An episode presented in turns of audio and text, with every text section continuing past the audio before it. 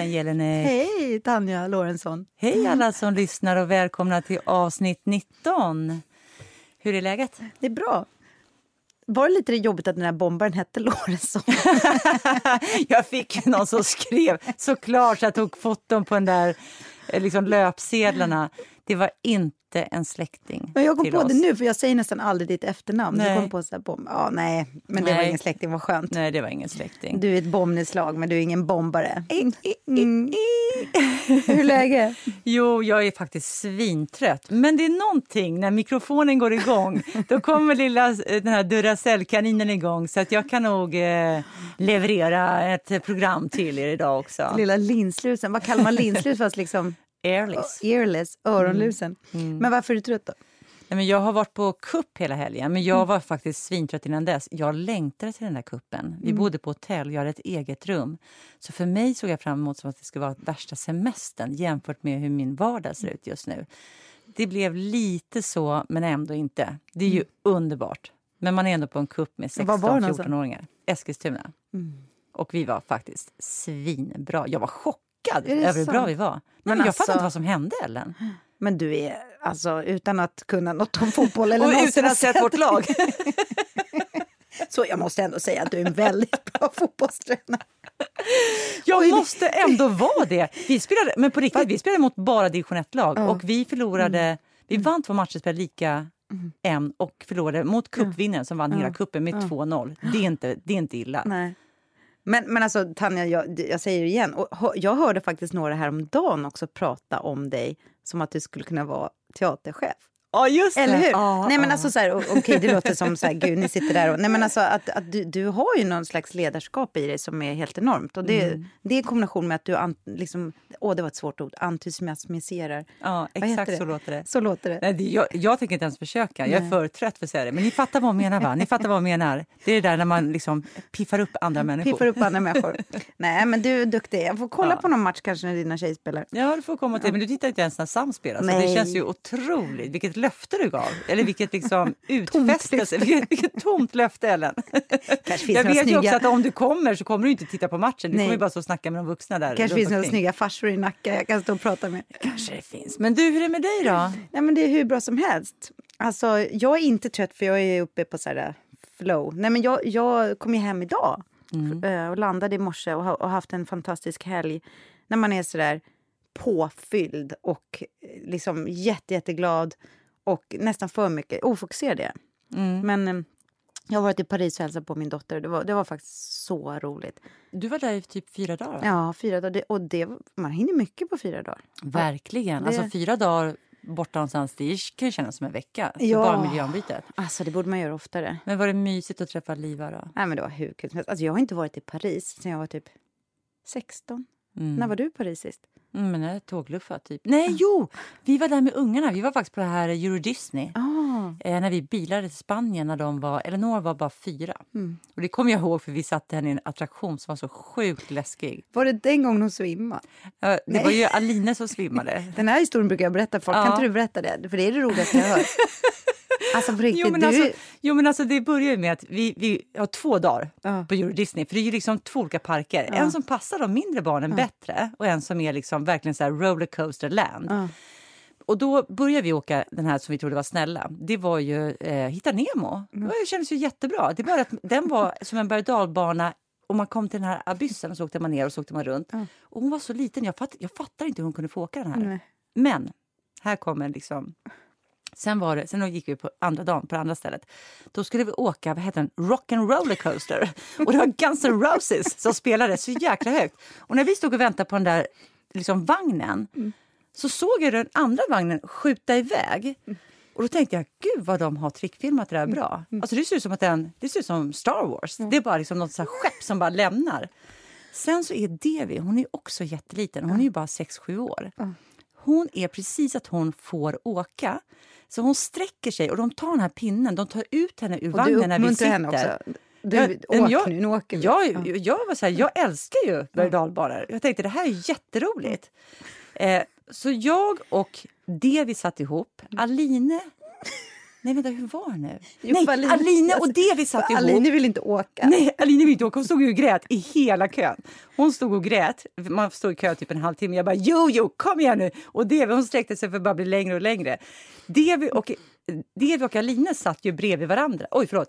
Bredvid varandra. Satt och knackade i bordet. Jag satt längre bak. Så när de plockar ur Devi, då vänder sig Aline skräckslag mot mig. Bara, mamma!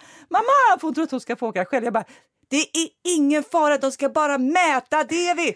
Aline, de ska mäta Devi! Så jag börjar bli lite Det är förbannad. här, finns Sisu, Ja. det är det jag brukar... Nej, men hon, de liksom godkände det. Sen drar vi iväg. Det är helt kolsvart. Det är den här Guns N' Roses Rock and Roller Coaster.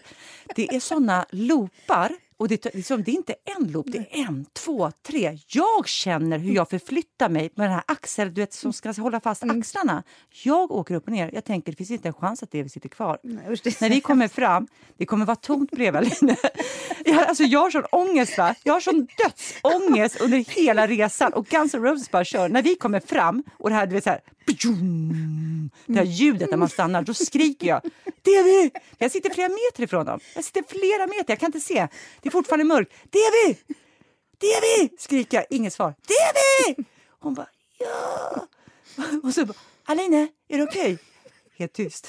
Aline, då har Aline tuppat av. Alltså det, hon bara hänger i den där. Nej, men det var ju såna G-krafter. Hon måste ju varit skräckslagen.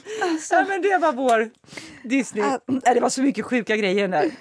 På den här resan. Men gud att vi kom in på det. Men vi ska prata Jo, mer om din Parisresa. Ja. För du har gjort massor med grejer. Vi återkommer till den. Men jag kan bara säga också att återigen kommer jag inte högst upp i Eiffeltornet.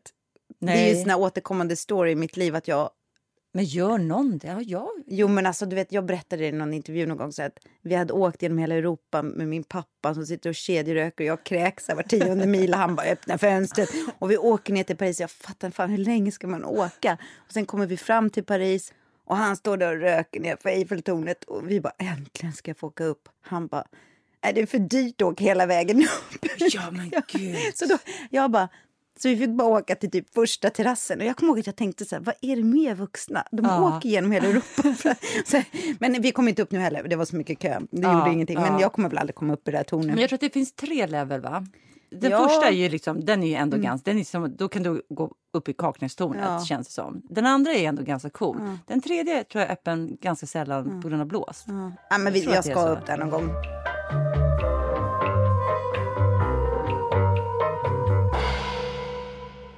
Men du, nu måste du faktiskt berätta.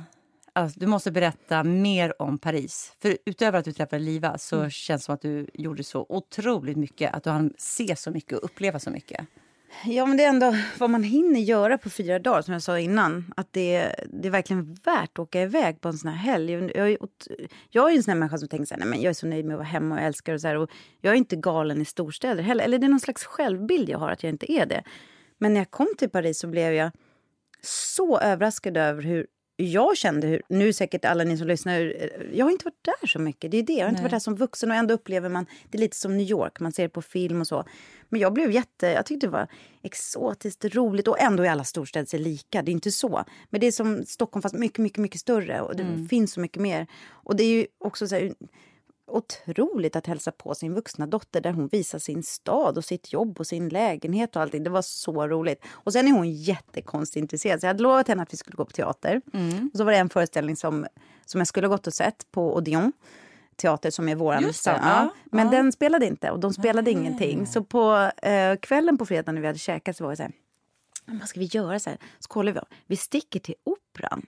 Eh, och så kollade vi, då spelade Alexander Ekman som Men, är... ja. Vilken slump! Helt otroligt. Så då, då tänkte vi, vi sticker dit och bara, det måste ju gå och köpa biljetter. Kommer dit, alltså den är så stor den här operan. Alltså, för då, då stod det så här, tickets den vägen. Jag tycker vi är lite sopiga ibland på att ha biljettkontor. Och, bara, och så var det en pil. Och så gick vi runt så här, hela, alltså det var säkert en kilometer runt kändes som hela operahuset. Och så frågade "Nej, men vad är det? Och så fick vi gå tillbaka. Och, alltså det var verkligen så här, kommer ner. Det, det var ingen bra biljettförsäljning. Eh, och man fick visa upp security. Det var folk hela vägen för att man skulle köpa en biljett. Men alla hade ju redan beställt i förväg. Så det var ju så. Så vi var ett litet gäng där och det var helt utsålt. Och de kommer säga så här, det finns bara lyssnaplatser. Och jag bara, lyssnaplatser, det är inte riktigt det. Men så kände jag så här, 120 spänn lyssnarplatser. Det är värt bara för att få gå in på Operan. Vi bara, men vi kör, vi kör de här lyssnarplatserna. Köpte biljetter och går in i det här. För det var verkligen så. Bara att gå in på Operan var en konst och kulturupplevelse. Mm. Och så kommer vi in i de här boxarna där uppe, så det är liksom på tredje raden. Det finns fyra rader. Men vi kom in och satte oss på tredje raden. Men sen så som man alltid är, då förstod jag att de två första raderna på dem, de är ganska bra. De är inte alls dåliga. Men sen fick ju vi den tredje längst bak och då sitter man liksom typ bakom den där gardinen. Så här. Du vet, man, man kände verkligen Ja. så här historiens vingslag. Så här. Ja. Du vet när de hade beställt Ni- ni en var box. de där liksom. Ja, men så drar Ja, man för och så typ hånglar man. Så här. Alltså, det var så, jag satt verkligen och tänkte, här, undrar hur många som har liksom legat med varandra här medan de liksom ger järnet där på scenen. men så tittade jag över den andra boxen bredvid. Och där satt bara ett par längst fram och så stolarna bakom var lediga. Så tänkte jag så här, men de kanske har betalat det där bara för att få vara i fred. Inte för att dra för gardiner, men ändå så här. Men så frågade de så här över, jag bara ursäkta, har ni betalt för hela? Och de var så smarta, eller osmarta då, så de sa nej. Så då gick jag in det och då var de schyssta nog, precis som vi kan vara på Dramaten när man kan liksom, finns det bättre platser så. Eh, Så vi fick gå in och sätta oss där. Så vi såg jättebra, alltså vi stod upp typ, vilket är bara skönt när det är en dansföreställning. Och tittar upp, det här kanske också alla vet, men jag visste inte att hela taket är målat av Chagall. Alltså, det är Jag min, favorit, det. det. är min Mm. favoritkonstnär. Jag berättade ju förut i podden att jag hade varit på Chagallmuseet i Nice här i våras. Och, och jag är inte superkonstbevandrad eller inte så att säga, men hans tavlor, den, alltså, och hela taket var målat av Chagall. Och det är min och Livas lilla grej, att så fort vi är någonstans så vill vi se vilka Chagall-målningar de har. Och så fick, så det var, det var sån upplevelse. Och sen fick vi se den här pjäsen av Alexander Ekman eh, som hette Play. Eh, och den hade faktiskt urpremiär redan 2017. Och det är länge sedan, för jag tänkte faktiskt att nej, men här måste han ha gjort efter pandemin, alltså som någon slags inspiration. För att den, den heter ju Play, lek. Den handlade om lek. Så hela första akten var eh, olika lekar, olika formationer, människor. Och sen så då, om man ska kortfatta det, jag kan verkligen rekommendera att se den. Eh, och andra akten handlar med, det öppnar med att det är vuxna människor som inte leker. Och den kontrasten. Så den var väldigt tydlig, lätt att förstå, eh, stark symbolik. Och, alltså den gick verkligen rakt in. Och Liva hade inte varit på teater sen innan pandemin så hon var ju väldigt berörd. Och sen på slutet så var det rock'n'roll. De kastade ut bollar, alltså folk stod upp och vi stod och klappade. Så det var en otrolig upplevelse. Och sen så går man ju och funderar på det med, med lek. Det var så mycket de sa så här. Man känner verkligen hur man lever bara som på snöre. Man föds, man äter lunch, man föder ett barn, så går man till jobbet, man föds, man äter lunch, man föder ett barn, så går man till jobbet. Och även om det kan låta som ett så här ganska simpelt budskap så började jag i alla fall fundera jättemycket på hur leker jag i mitt liv och hur lekte jag Mm. när jag var liten. Så att för mig gav den jätte- jättemycket. Och sen träffade jag faktiskt en kompis i Paris, som en svensk kompis, som sa att hon hade varit i Stockholm i somras. Och hennes dotter kommer till henne och säger så här, mamma, de svenska barnen leker inte. Kan du ladda ner en app åt mig? App, vad sa jag? Att, en app. Och så fick jag så här, för det var min liksom fråga. Leker barn fortfarande? Det är klart att de gör. Men hur lekte vi? Och vad betyder leken i våra liv? Mm. Men jag tror leken är helt annorlunda bland barn idag. Ja. Eh, Jag tror vi lekte ju mycket så fantasilekar och rolllekar. Mm. Ja. Alltså man, man var ju doktor eller man var Mm. Robin Hood och man var ute i skogen eller man var eh, troll eller man var smurfar. Alltså man, det var ju väldigt mycket rolllekar. Mm. Otroligt Eh, mycket. Ja. Och jag upplevde att man lekte väldigt mycket... Alltså man ville ofta ut på ett äventyr. Mm. Alltså vi gick ofta till skogen eller till någon äng eller någonting som var liksom lite spännande miljö. Det har ju mina barn aldrig gjort. Mm. De är, all- vi bor ju vid en skog. Och jag sa, men ni kan väl dra ut och kolla det lilla vattenfallet och så här. "Eh, Då ska jag med. Alltså, nu pratar ju inte jag om dem idag, men när de var små. Så redan de, men de hade åtminstone leksaker. Om man tänker då akt 1, akt 2 i den här pjäsen då. Först leker man ju som barn. Man interagerar, man, man föds ju i någon annans blick på något sätt. Man testar och det var, det var så tydligt det här med eh, man provar olika lekar. Nu leker jag att jag bestämmer och sen leker du att du bestämmer. Och man testar den. Jag lekte jättemycket att jag rymde. Jag lekte att vi var övergivna barn. Ja. Det, slags, Ja. det var min favoritlek. Alltså. Alltså vi var alltid så här övergivna barn i skogen. Ja. Och vi hade inga föräldrar. Alltså, Nej, men gud vad lustigt. Jag tror att den är universell den Ja. leken. Var, varför leker man den? jo, men för att Vad bearbeta att man eventuellt kan förlora sina föräldrar. Ja, är det Ja. det? Ja, Och det tror- måste det ju vara. Men känner inte du eh, att du får leka på jobbet? Mm, Jo, jo, men det gör man väl. Känner du att du leker på jobbet? Men det kanske är olika i olika produktioner. Mm. Men just nu leker jag ju jättemycket på jobbet i Lidö sex pop. Och Mm. jag tänker att jag ofta tycker att jag leker just för att det beror på vad man tänker att leken är. Men leken, Mm. så här, alltså den leken som inte har med paddor att göra och liksom datorer och iPhones. Den är ju ganska mycket fantasi. Mm. Att man just föreställer sig någonting, man är i någon värld. Mm. Så här. så att där tycker jag att man ändå på ett sätt får leka. Ja, men, ja, men det är sant. Vi har ju verkligen så här, ett underbart jobb på det sättet. Även om det låter som en klyscha att vi leker. Men vi fortsätter ju Men vi och leker på största allvar. Det är Ja. ju det. Alltså, vi leker ju med någon så konstnärlig ambition. Ja, och men själva får- liksom mindsetet Ja. påminner ändå om leken. Att man ska vara så öppen och öppen för impulser och, och andras förslag. Och, ja, men nu är du en sjörövare och du har tappat en tand och du är arg på mig. Alltså man höll på ju så här. Och nu är du min pappa och du dör. Det var så roligt. Alltså, gud vad jag älskar att leka med. Men lekte du med Cindy och Barbie till Jo, exempel? oh, jag, Jag åh, jag lekte med Cindy och Barbie. Alltså- och smurfarna. Och smurf- och jag hade- monchichierna. Och monchichierna. och gud. Och sen hade vi hundar som vi kallade för slappor. Det kanske bara var vår familj som gjorde det. Men de var så söta. De hade så långa öron och trötta ögon. Men vilka hade man mer? Men absolut, Cindy och Barbie. Men jag lekte med det liksom. Så att Och djur. djur. Djur. Alltså djur på savannen och bondgårdsdjur. Och vi hade staket och vi hade små träd. Och byggde liksom... Ja, och, och, och jag Djur. tänker också att det var ju aldrig... När vi lekte var det aldrig några vuxna som hörde vad vi sa. Nej. Och det var ju nästan så här, det- måste ju ha varit nyckeln till leken. Och, menar, nu hade inte jag några jättestora konflikter med kompisar, men om vi hade det så... Jag har en grannflicka som berättade för mig att hon tyckte att jag var lite dominant ibland. Så här, för att hon berättade efternamn, för att hon ville alltid heta... Hon, hade så här, hon gick på dagis och eh, då hade hon en lärare som hette Bodil. Och jag bara, det är inget namn, det är ett bord. Hon fick liksom inte heta det. Så här. Det var så här, så här, men, så när, men annars så, så tror jag man kom fram till ganska mycket saker Ja. inom leken. Men åh gud vad mycket en föreställning är Ja. att, och, och det, var, det ska jag också säga, alltså, men just det här att man kan faktiskt, och nu ska jag verkligen, min dotter ska gå på, normalt sett är det ganska dyrt med biljetter där, precis som det är på operan här, trots att det är subventionerat. För Frankrike och, och, och Sverige liknar varandra jättemycket eh, vad gäller de här statliga teatrarna vi har. Men för 120 kronor, jag tror kanske den, om man fick lite, lite bättre plats, sätt 150 kronor för att gå på operan i Paris.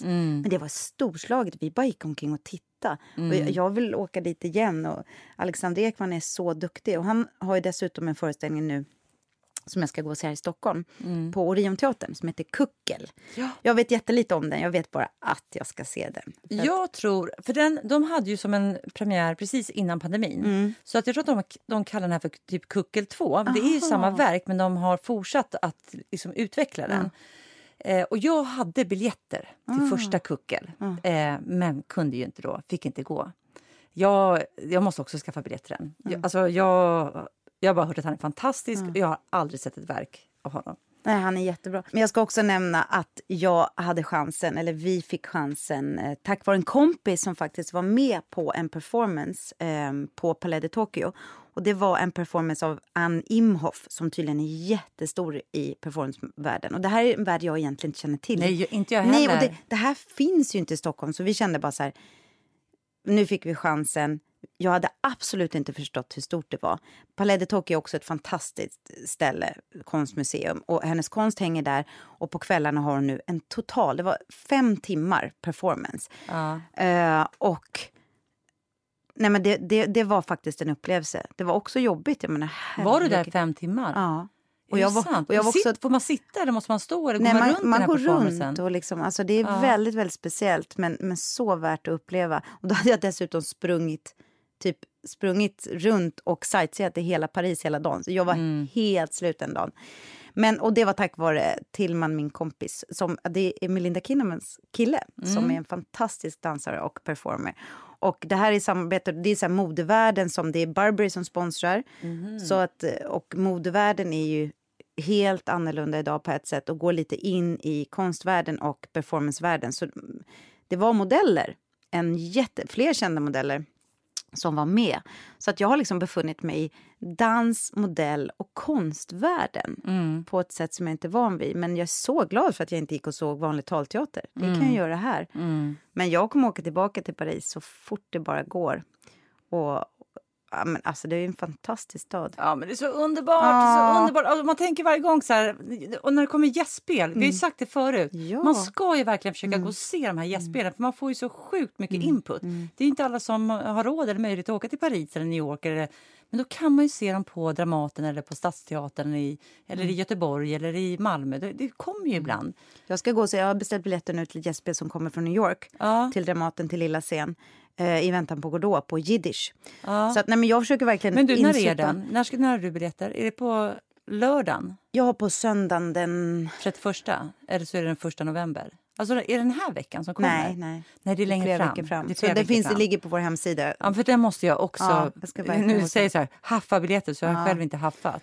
Nej, men det är väl så. Det är på något sätt. Vi är väl i den åldern när den lilla världen lämnar oss och den stora världen öppnar sig. Och jag är så hungrig på att få lära. Jag, jag känner mig att jag bor här uppe liksom strax söder om polcirkeln. Mm. Och jag eh, kände mig som ett, eh, litet, en liten kalv på grönbete när jag var i Paris.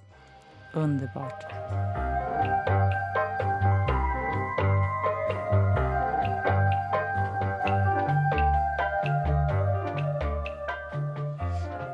Det hände ju en oerhört tragisk händelse när du var i Paris. Den här eh, mordet på Einar. Hur fick du reda på det? Eh, det var min dotter som vaknade och sa att eh, Einar har blivit skjuten. Och eh, jag känner ju Einar som, som Nils. Som, jag känner inte honom jätteväl, men han har ju varit på Dramaten och spelat som barnskådespelare. Och hans mamma är ju en kollega till oss. Så det är klart att det... Jag blev jätteledsen, chockad. Och det är, väl, det är ju alla såklart. Men det är som alla säger, det har ju kommit väldigt, väldigt nära. Dessutom ett barn som man har en relation till. Mm. Och jag har inte träffat honom live, men jag vet ju såklart och känner till eh, hans mamma. Ehm, men jag, jag kan tänka mig, när det händer en sån här grej, när man är här hemma, då pratar ju alla om det också. Alla man träffar, barnen pratar om det. Det måste också varit speciellt att vara, att ha, att vara i Paris. Alltså att man inte har så här, de här små studsningarna som man annars har. Att man träffar ju någon som man liksom delar det med. Men eh, du Ja. hade Liva där i alla fall. Ja, men jag känner väl också att det, det, det är lite sant som du säger för att eh, jag tog in det och pratade med henne och sen så till senare på dagen så la jag faktiskt ut ett inlägg på mitt Instagram. Eh, ja, hur roligt jag hade i Paris och eh, att det var så fantastiskt att vara min dotter. Då fick jag verkligen så här efteråt att det kändes inte riktigt bra att lägga ut det då. Och jag menar inte så här att någon bryr sig om så mycket vad jag gör Mm. på mitt Instagram. Ehm, men, ehm, men det var nog för att jag var där. Att jag faktiskt också lite var isolerad borta ifrån det. Mm. Ehm, men vi har ju pratat tidigare om eh, gängkriminalitet eller Vi har ju alla pratat morden. om eh, rapvärlden också när vi läste Diamant Salihos bok Tills alla dör. Mm. Hur, hur eh, involver- alltså, ska jag säga, sammanflätad rappen är. Vi pratar ju ganska mycket om Yasin då. Mm. Hur sammanflätad rappen är med de här olika gängkonflikterna. Mm. Och då var det framförallt Shottaz och Dödspatrullen. Nu är det ju något mer, det är Vårbynätverket och det är de filterlösa. Det är liksom Mm. ännu fler som verkar vara liksom i någon ständig konflikt Mm. med varandra och folk går ut och in i olika konstellationer. Mm. Men vi, om ni vill höra på det samtalet så var det när vi pratade med Jimmy Enderley i avsnitt åtta. Eh, och den boken, Tills alla dör. Men, eh, Ja, men först och främst så är det ju så här, det, det är omöjligt att inte prata om detta. Eh, dels för att vi är otroligt berörda för vår kollegas skull. Man sänder ju all, all kärlek. Och, och Ja. alla, det det, vi har ju så många kollegor som är nära vän Mm. med den här familjen. Det, på våra flöden så är det ju en stor smärta och sorg. Mm. Eh, och så blir det så himla eh, obehagligt, måste jag nästan säga. När den världen krockar då med så här ganska kyliga analyser av eh, unga män som dör, eh, folk som, som har åsikter om eh, rapartisternas texter. För någonstans känner man här, det, det är ett barn som har dött, ett till barn har dött. Några till Ja. föräldrar har förlorat sitt barn, vänner har förlorat sin vän. Ja, jag har verkligen inga lösningar eller ehm, jag kan knappast ha någon särskilt djupgående eller intelligent analys. Men jag tycker absolut, och det nämnde väl vi tror jag förut i, i podden om än försiktigt, att jag tycker absolut att det har funnits en, en, eh, en slakhet utav samhället, utav oss vuxna, utav oss som skriver i media eller har plattformar, att förstå innebörden utav musiken, att ta det på allvar, att alltid så här, nej men vi ska skilja mellan verk och musik och så absolut, men det här Verk är barn. person. Va, ja, Ja, mm. verk och person. Eh, så att eh, det har ju framkommit ganska mycket självkritik nu också. Mm. Och sen är det ju såklart, jag fattar ju den här att det är många som säger, det var en mamma som sa att ja, hon sörjer också med mamman nu som har förlorat sitt barn. Men när vi förlorade vårt barn så blir det inte samma uppmärksamhet. Jag förstår det. Det är Mm. helt, det är helt, eh, det, det är en observation som verkligen är sann. Ja, men hon sa väl också mitt barns namn har aldrig, mitt barn har aldrig nämnts vid namn. Nej. Det är bara en i statistiken. Och nu har ju både du och jag sett en dokumentär som också Diamant Salihu har gjort. Han gör otroliga insatser. Ja. Jag är så beundrad av honom. Den, den dokumentären kom faktiskt upp bara häromkvällen. Den heter Våra barn dör Våra barn dör. Och den tycker jag och finns på absolut- SVT Play. Ja, vi bara säga. ja. Den är 30 minuter lång. Mm. För båda de här, nu är ju den nämnd överallt i alla Mm. medier såklart, eh, boken och den här dokumentären. Men ser man dem eh, så får man faktiskt man får väldigt my- mycket insikter som man inte Mm. får om man läser Aftonbladet, Expressen eller DN. Det är på en helt annan nivå. Och jag tror att det är så viktigt nu att det här inte blir... Oavsett vad man röstar på, det är helt fritt att rösta på vad man vill. Men om vi inte börjar värdera alla människor lika, de Mm. kan inte ha på Järva. I den dokumentären, den polisen... Mm. Som jobbade med mordutredningar på Järva. ja, det är både en patrullerande, Mm. polis, en patrullerande polis som kommenterar och eh, en eh, slags överbefälhavare där, eller vad det heter. Men hon var mordutredare. Hon Mordutredare. som sa så här, jag, om, om jag, jag är med här för att jag vill göra min röst hörd. Om jag skulle, kan påverka någon att förstå. Ja, för det hon säger i princip, Ja. hade det här hänt, hade alla de här morden hänt på Södermalm så hade det inte sett ut så här idag.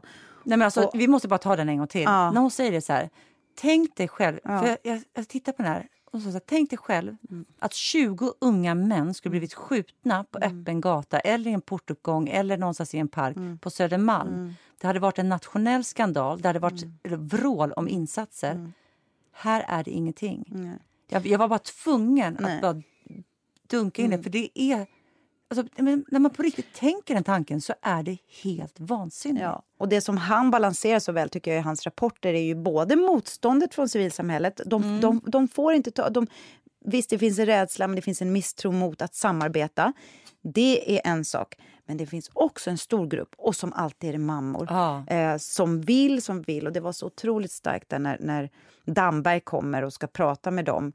Eh, att vi inte tar det på samma allvar när det är barn. Vi, jag har ju sett det här i alla, alla år när man har Ja, själv de här växt upp i mammorna förort. Mm. gick och nattvandrade. De här Ja. Mm. mammorna ordnade en demonstration utanför riksdagshuset. Men vad skulle du säga? Du har själv sett den när du växte upp. Nej, men jag tycker så här, ehm, det säger de själva också.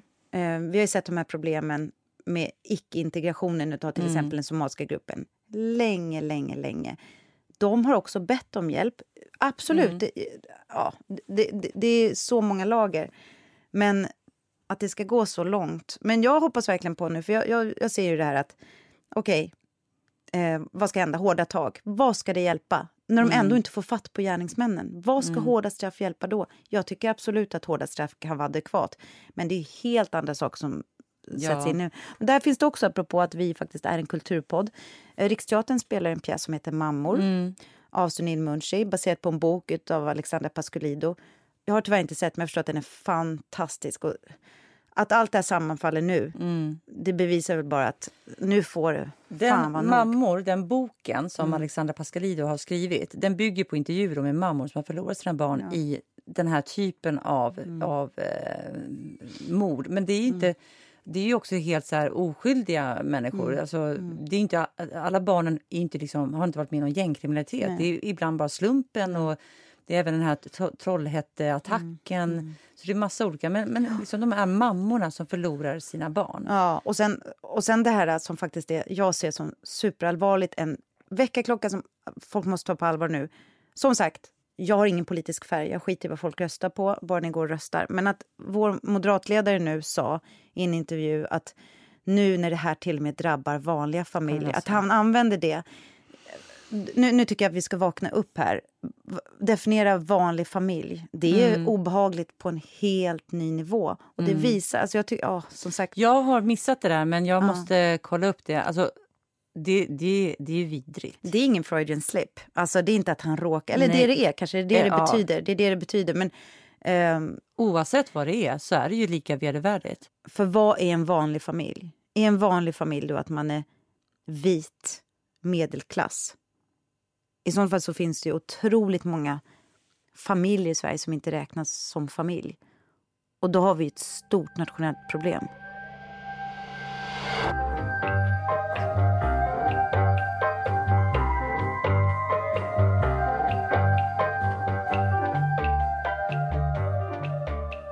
Ja, en annan ångestsak som hände, och det är också apropå jävla vapen och allting. Också en chock. Och också en kollega, om, eh, även om jag inte känner honom, det som hände eh, samma dag, tror jag, eller dagen innan i USA. Att Alec Baldwin, en skådespelare, på inspelningsplats råkar skjuta ihjäl en kollega.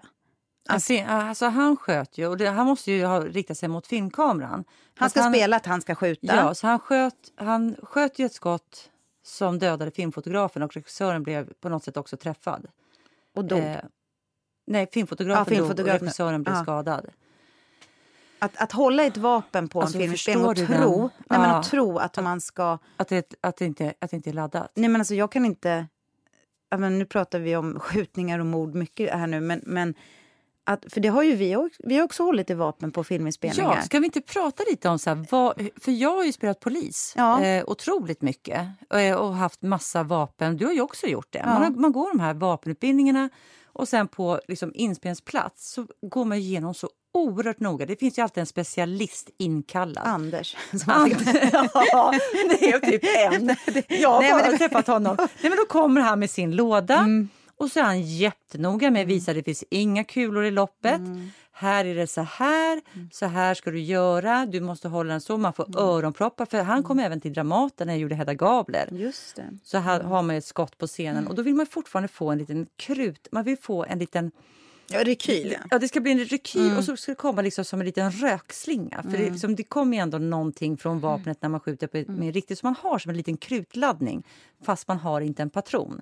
Men här är det ju någon stackars jävel, måste jag ändå säga, som har överlämnat, alltså en attributör på film, har överlämnat ett skarpladdat vapen skrikit ändå som de uppenbarligen gjorde, loose gun! Alltså det vill säga, här ska alla veta, här lämnar jag över ett ofarligt vapen. Och så är det laddat. Men alltså, det, jag, jag förstår inte hur går jag som misstag. Det har hänt Nej. förut. Var det inte Bruce Lees son också? Som Ja. blev skjuten. Han blev också ihjälskjuten. Ja. Och eh, det händer ju olyckor på inspelningsplatser. Och, eh, men men det, det är ändå obegripligt. Och den ångesten, att ha dödat en människa, Ja, men- när- att man faktiskt har gjort det. Jag vet inte jag, men då tänker jag på... Alltså, jag- det- vi har pratat ganska mycket också så här, om hur fort allting ska gå eh, Mm. i filmbranschen. Jag har fått jättemycket inside. Liksom, Ja, hur det, det ska produceras, det ska göras billigt, man gör allting. Och det, det var faktiskt ett inslag innan det här på nyheterna från Hollywood också. Det var inte svenska. Där det var en, eller en, en kostymör som också pratade om att deras filmdagar var liksom, de har alltid varit orimliga, men nu är de helt Alltså det går inte att leva och vara filmarbetare längre i USA. Nej. För du, du har liksom 20 timmars dagar så ska det bara gå upp för att allting ska pressas så hårt. Och det här kommer säkert alltså det är ju redan uppe på diskussion där. Och det här kommer säkert eh, eh, verkligen fortsätta den diskussionen. att Hur mycket kan vi pressa produktionerna? Hur ska För när vi pressar dem så blir de ju samtidigt så mycket mer osäkra. Det, det är Ja. då misstagen sker. Ja. När alla liksom lider av sömnbrist, jobbar ihjäl sig, kanske liksom är halvt sönderstressade så ska man hantera... Det kan ju vara vad som helst. Det kan vara en stor... Alltså om ni bara visste, ni som inte jobbar med film, vilka stora ljusriggar och grejer som står runt omkring en.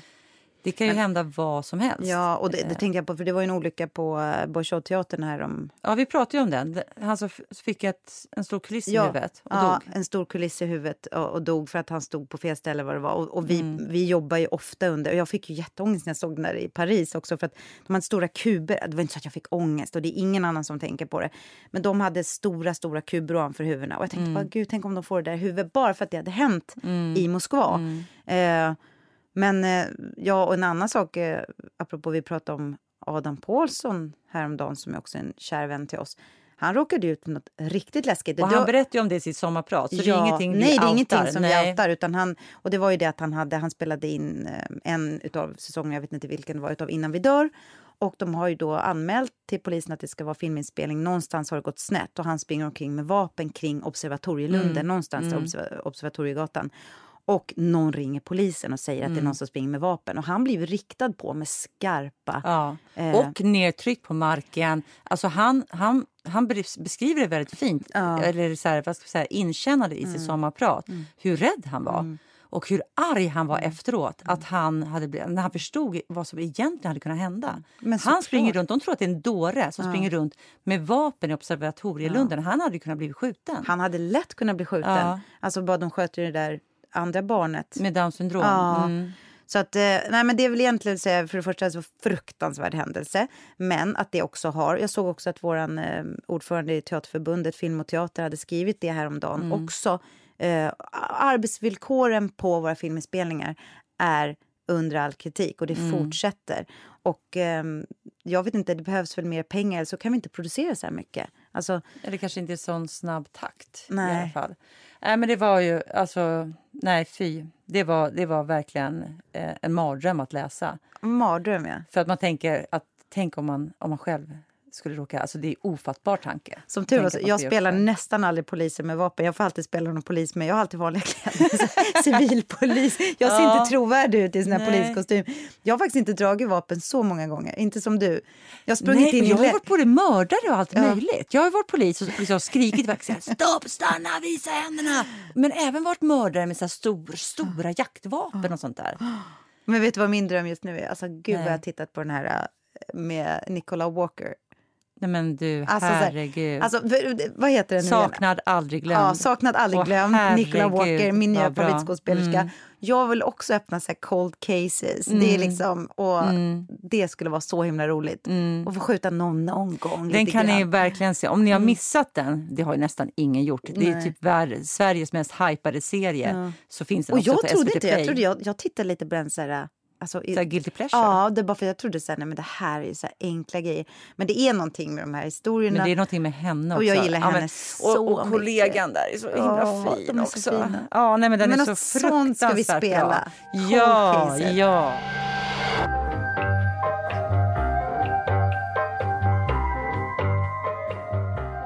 Ellen, Mm. now you're living your dream. Det kom en nyhet som jag vet att du gick i liksom, det, det ändå tände till i dig. Nej men jag tyckte det var fantastiskt. Ja, Ja. äntligen kan jag säga. Äntligen! Vad, vad, vad var det för underbar nyhet som du eh, upphetsat ringde mig och sa Upphetsat. Har du hört? Nej men jag tyckte det var fantastiskt. Så eh, från och med nu så ska eh, tronarvingen, vem det nu än är, nu är det ju Estelle i vårt land, hon ska förgifta sig med vem hon vill. Det vill säga eh, kungahuset samtycker till samkönade äktenskap. Eh, det är stort faktiskt. Det är väldigt, väldigt stort. En glädjande nyhet. Och det har tydligen redan varit i Holland. Så Holland var först och jag tror att vi är andra. Eh, Och de säger att det kommer komma överallt. För så har det inte alltid varit. Eh, verkligen inte. Men nu när du Verkligen säger, inte. vadå Estelle tronarvinge? Först är det ju eh, kronprinsessa Victoria. ja just det, först är det kronprinsessan Victoria. Och hon är ju... Men om eh, hon skulle skilja sig nu med Daniel så får hon ingå äktenskap med en kvinna. Ja, och då kan det ju inte bli två drottningar kanske. Men, Nej, men, det blir precis som med, Ja, han är ju prins precis. Daniel så det blir en prinsessa. Så vi får se om hon kommer dumpa Daniel nu för att hon hitta någon brud. göra det? Jag tycker så mycket om Daniel. Hoppas ni... men han kanske kan, han kan komma ut som Daniela nu och det är inga problem. Nej. Alltså det är det. Alltså Ja. de får göra vad de, De får vill. göra vad de Ja. vill äntligen. För det här har ju varit ett eh, stort problem inom kungahuset. Nej, men eh, det är Gustav den femte. Ja, Han- men ja, det kommer ju en tv-serie Ja, nu som heter eh, En kunglig affär, berättelsen om Kurt Haijby. ja. Vad var det? V- När kommer den? Men den, den är nog så här Jul- stora juldrama julsatsning. som de brukar ha. Alltså deras kostymdrama som kommer där i mellandagarna. Eh, ja, men Kurt Haijby var ju källarmästare och hade en kärleksaffär med Gustav, eh, kung Gustav den femte. Mm. Och det är ju faktiskt en kompis till oss som har skrivit denna, Bengt Braskegren. Ja. Mm. Som spelade min man i Syrror. Så han är ju skådespelare men är ju en skrivande person. Och jag har hört att manus är jättebra. Tyvärr är ju inte, varken du eller jag med där. Nej, nej, nej. Det är för jävligt. Helt Ja, det blir skitjul i år också. Ja, det blir skit. Jag ska fan inte se den jävla skitserien. Nej, men det ska ju bli underbart eh, att se den. Men, och det var, ju, det, det var ju en skandal. Det här kan jag ändå Såklart. outa, för det här står ju Ja. i, i deras pressmaterial. Ja, ja. Men det, var, det kom ju fram för att den här Haijbys fru Mm. ville ju ta ut skilsmässa. Och då måste man ju ange orsaken. Mm. Och då var det ju på grund av att han hade en kärleksaffär med eh, kung skrev hon Gustav det? den femte. Skrev hon som officiellt och då började ju hela så här mörkläggningen. Det finns en annan tv-serie som jag tror både du och jag har sett. Ja, ja, ja, absolut.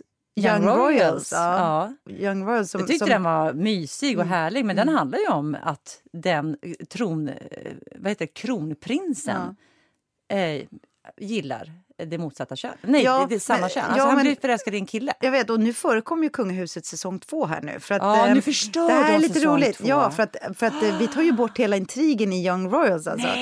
Så att eh, han skulle ju faktiskt i princip kunna då bli... Nej men gud! Ja. Nej men gud! Nej men under! Nej men det här produktion, på nej, riktigt, det här produktionsbolaget att de har måste ha panik. ner. Nej, jag tror att de har lagt ner. Nej, jag bara nej, Nej men, men jag tror att de har redan spelat in en säsong två, tror du inte det? Eller? nej, de har inte börjat ännu. De får skriva om hela manus. Nej, men det de kanske de inte behöver sliter göra. sitt hår. Men, men, men det är ju väldigt intressant att...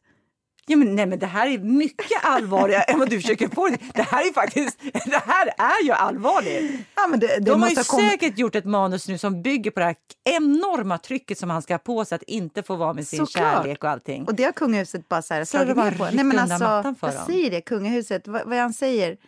Eh, min tid är tiden. Eh, eh, För Sverige-tiden. För Det ska väl du Sverige-tiden. veta, din gamla Royalist. royalist. Nej, men han, ja, men jag tycker vårt kungahus är smarta på det sättet. Om, de vill, om vi nu vill ha kvar ett kungahus Mm. så gör ju de faktiskt saker och ting helt rätt. Eh, försöker nej, men Young med. Royals kommer få grava problem. Ja, stackarna. Nej men fasen, nu hatar jag nästan kungahuset som har pajat en av de här bättre serierna. Du kan ju inte säga så, Tanja. Nej, det är klart jag inte kan. Men det är bara för att du älskar dem. Men du, vad tror du? Vad tror du nu? Nu när de har gjort det här moderna liksom, förändringen. Mm. Kommer det förändra vad de tänker välja att se på Dramaten? Nej, men framförallt kommer de komma tillbaka till Dramaten. Jag menar, det var ändå Gustav III, Ja. eh, släkting, som startade hela huset. Och Ja. Teaterkungen, och de hade väl ingen respekt för honom. Han misslyckades med krig och allting. så här.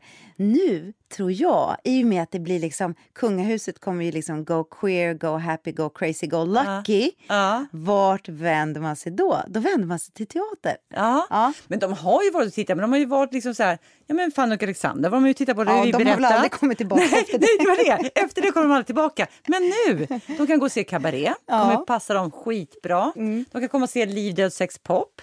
Liv Strömquist. Liv Strömquist, Det absolut. finns ju så mycket på repertoaren som de helt plötsligt kan komma och titta på. Ja, men som plö- inte men är så ja, traditionellt. Vi, och... vi måste bjuda in dem faktiskt. Ja, säga att de ska fast du säger på- att de kommer ju aldrig komma.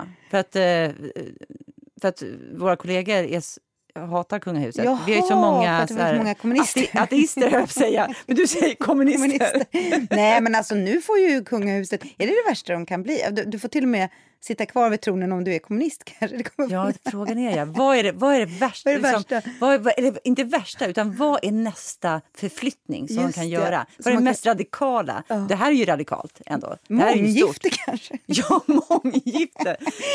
Nej, vet du, det kanske är att de faktiskt säger att Brunei inte är så trevligt land längre. Det kanske de skulle det slå är till ju på att säga. väldigt radikalt. Att inte liksom säga så här, nej, nej, jag tycker det är jättetrevligt här. Jag har inte sett några konstigheter. Nej.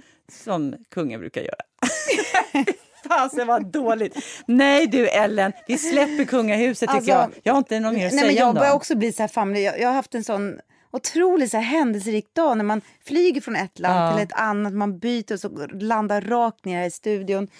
Alltså jag, jag, jag har faktiskt varit lite, lite ofokuserad idag, men jag, jag känner att, att man får vara det. Men Ja, när man får, är påfylld. vi, får, vi men- Mm. får ju be om ursäkt, då, eh, för jag är ju också helt slut. Jag har ju sluddrat mig igenom den Mm. här podden.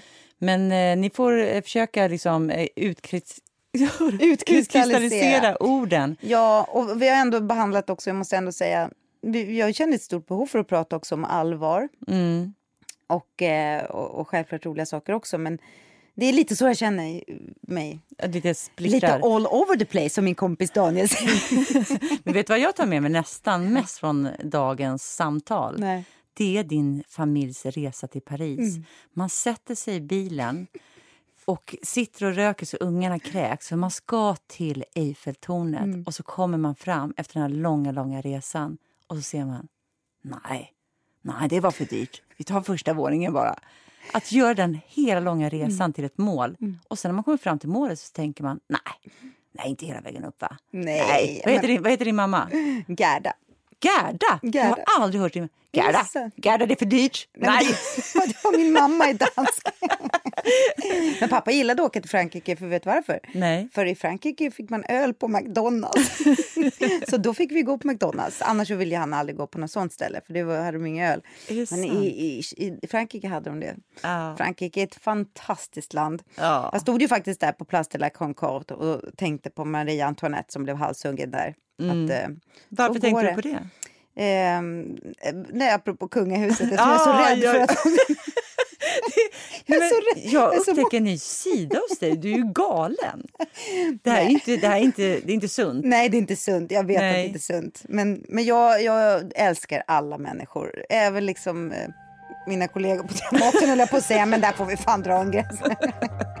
Nej, men vilken otroligt fl- fladdrig, rolig podd. Jag är så glad att vara men jag är så glad att vara här Ja. med dig. Ja, och nästa gång har vi faktiskt en gäst. Vi kan inte riktigt avslöja än, men vi tror vi har en riktigt fining på ingång.